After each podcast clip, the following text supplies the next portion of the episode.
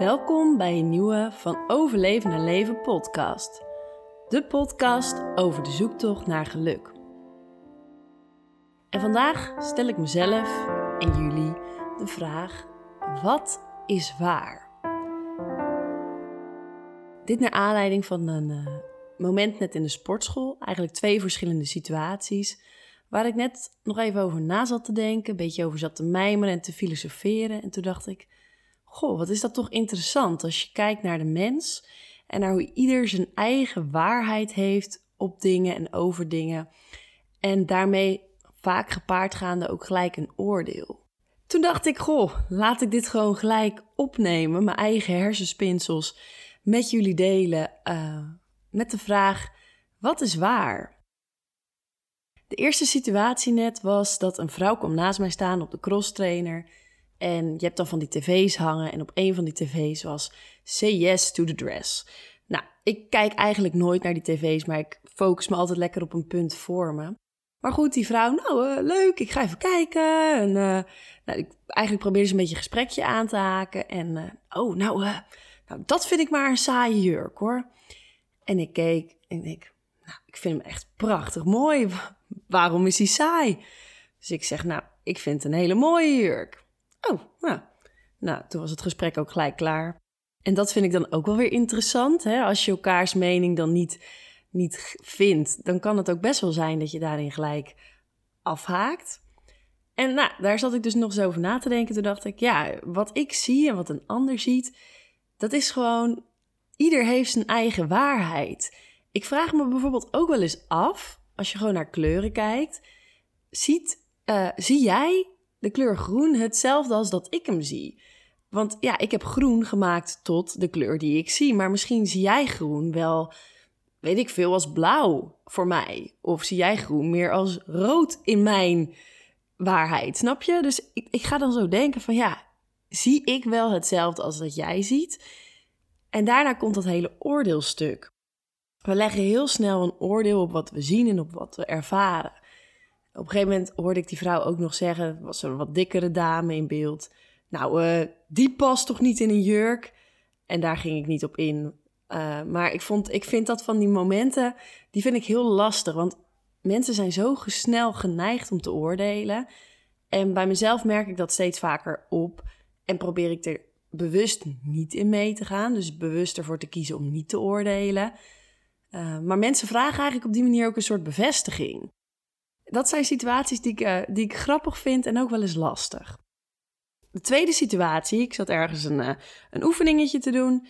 En twee dames die spraken over uh, de basisschool, waar de leerkracht van de klas iets toch helemaal niet handig had opgelost.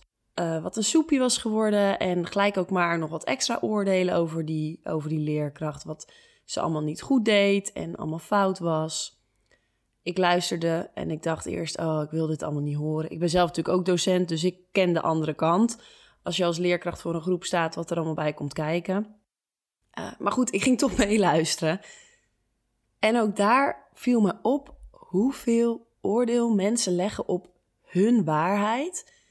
Terwijl ze het verhaal van die ander, dus van die leerkracht in dit geval, helemaal niet kennen. Of misschien maar deels kennen.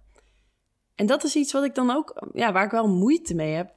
Mensen die kijken naar hun eigen waarheid en hebben vanaf alleen die kant gelijk iets ervan te vinden.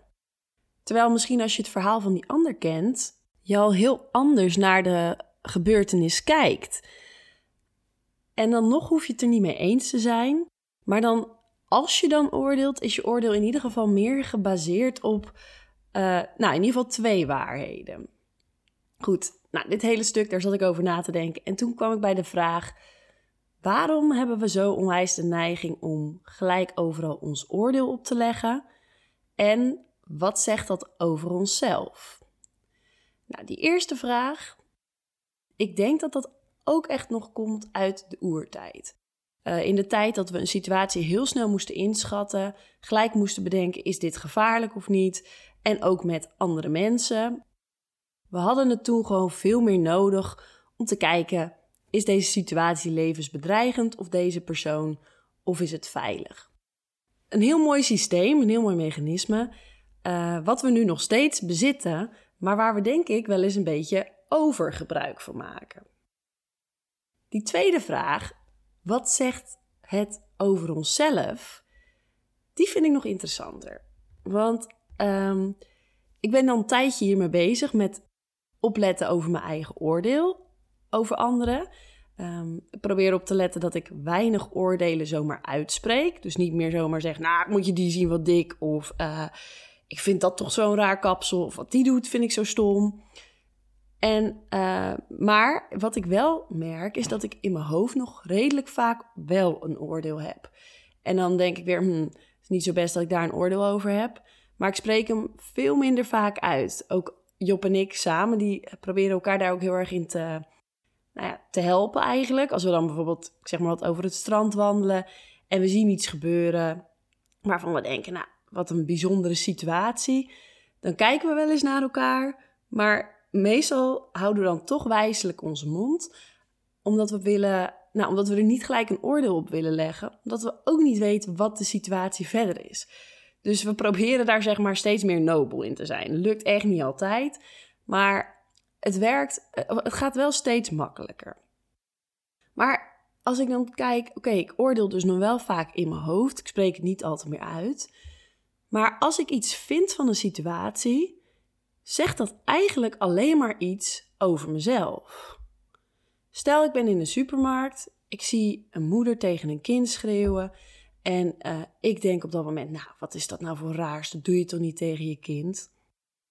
Maar ik weet niet wat daarvoor gebeurd is. Misschien is die moeder wel net ontslagen op haar werk. Misschien slaapt ze al nachten achter elkaar slecht. Je kent het verhaal niet. En als ik gelijk een oordeel heb, betekent dat: oké, ik vind dit.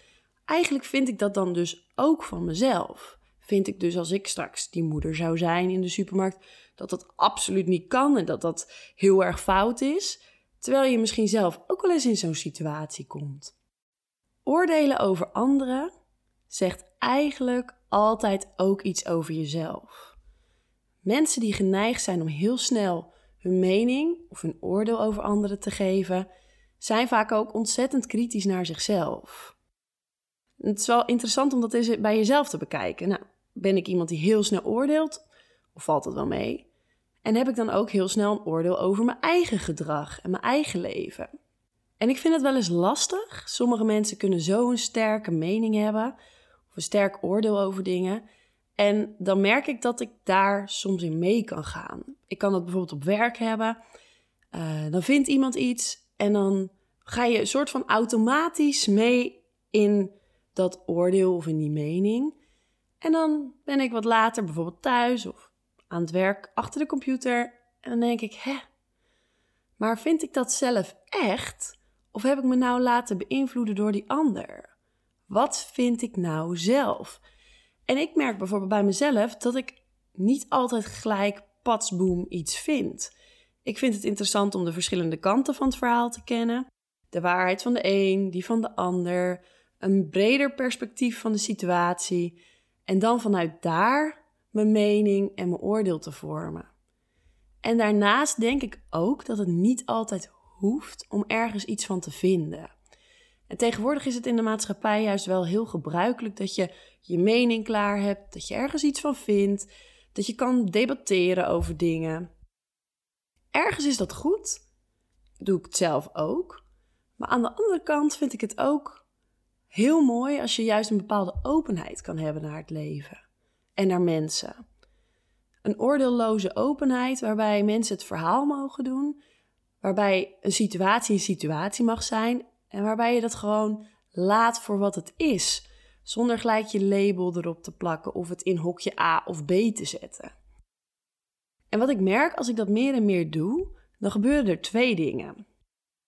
Er komen zomaar mensen naar je toe die je dingen vertellen waarvan je denkt: hè, wow, eh, ze vertrouwen je op de een of andere meer, eh, manier meer. Ze, ze voelen dat je oordeelloos bent en dat, dat ze hun verhaal bij je kwijt kunnen zonder dat ik gelijk iets vind. Dat vind ik heel leuk en mooi om te merken. Het tweede is dat je door die openere blik in de wereld en op de mens ook een soort van liefdevoller naar anderen kijkt en dus ook naar jezelf. En dat is misschien nog wel het grootste cadeau. Liefdevoller naar anderen maakt je ook liefdevoller naar jezelf. En dat maakt het leven gewoon weer een stuk leuker, makkelijker en relaxter. Want nogmaals, ik heb het vaker gezegd, maar ik denk dat het daar begint. Met blij zijn met wie je bent en met lief zijn naar jezelf. Maar ik denk wel dat het de eerste stap is om dan liefdevoller naar de wereld te kijken en vanuit meer compassie. Probeer te begrijpen waarom een ander doet wat hij doet. Probeer te kijken naar andere kanten van het verhaal zonder gelijk je label en je stempel ergens op te plakken. Opener zijn. Je hoeft niet altijd gelijk een oordeel of een mening te hebben. Het is ook goed als je dat op een andere manier doet. Of als je daar meer tijd voor neemt. Of als je gewoon een keer ergens geen. Als je ergens een keer niets van vindt. Soms vind ik dat ook echt lekker. Dat ik denk, nou, hier hoef ik gewoon even niets van te vinden. Hè, lekker, wat een opluchting. Ik denk dat het leuk is om jezelf eens af te vragen: Goh, hoe sta ik hierin? Ben ik iemand die snel oordeelt? Oordeel ik dan dus ook vaak snel over mezelf? Of ben ik iemand die eigenlijk al vrij open staat? En probeer eens ook eens te kijken of je bijvoorbeeld in gesprek, op je werk of met vriendinnen, en het gaat over iets of iemand waar een mening over gegeven wordt. Hoeft niet altijd roddelen te zijn, maar gewoon ergens een stempel plakken. Of je dan de neiging hebt om mee te doen. Of dat je denkt, nee wacht, ik stap een beetje terug. Ik doe even een stapje terug en ik kijk er gewoon even naar. Ik laat het gewoon even zijn voor wat het is. Zelf vind ik dat nog wel een uitdaging hoor. Want ik merk als anderen dan oordelen en ik niet meedoe, dat ik dan toch ook wel weer wat vind van die mensen die aan het oordelen zijn. Dus dan oordeel ik eigenlijk toch alsnog zelf ook. Maar ik denk wel dat dat de stappen zijn. Je hoeft ook niet gelijk een heilige te zijn. Ehm, en je mag ook best af en toe wel eventjes spuien als je ergens mee zit. Of je vindt gewoon dat iemand echt iets stoms heeft gedaan. Of een situatie is rot.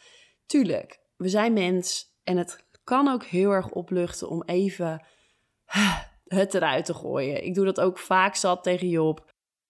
Maar daarin probeer ik dan wel ook altijd respectvol over die ander te blijven of de situatie van meerdere kanten te bekijken. En het valt me ook gewoon op hoe minder ik het doe, hoe minder ik zeur, hoe minder ik oordeel, hoe minder ik labels plak, hoe vrijer ik mezelf voel en hoe fijner het leven eigenlijk is. Dus ik zou zeggen, kijk er eens naar. Ik hoop dat je hier wat mee kan, dat je jezelf wat vragen stelt. En verder vind ik het hartstikke leuk dat je weer hebt geluisterd naar deze podcast. En wens ik je een verdere fijne, oordeelloze en leuke dag toe. Om op de hoogte te blijven van de nieuwste releases kun je ons volgen op Instagram van Overleven naar Leven.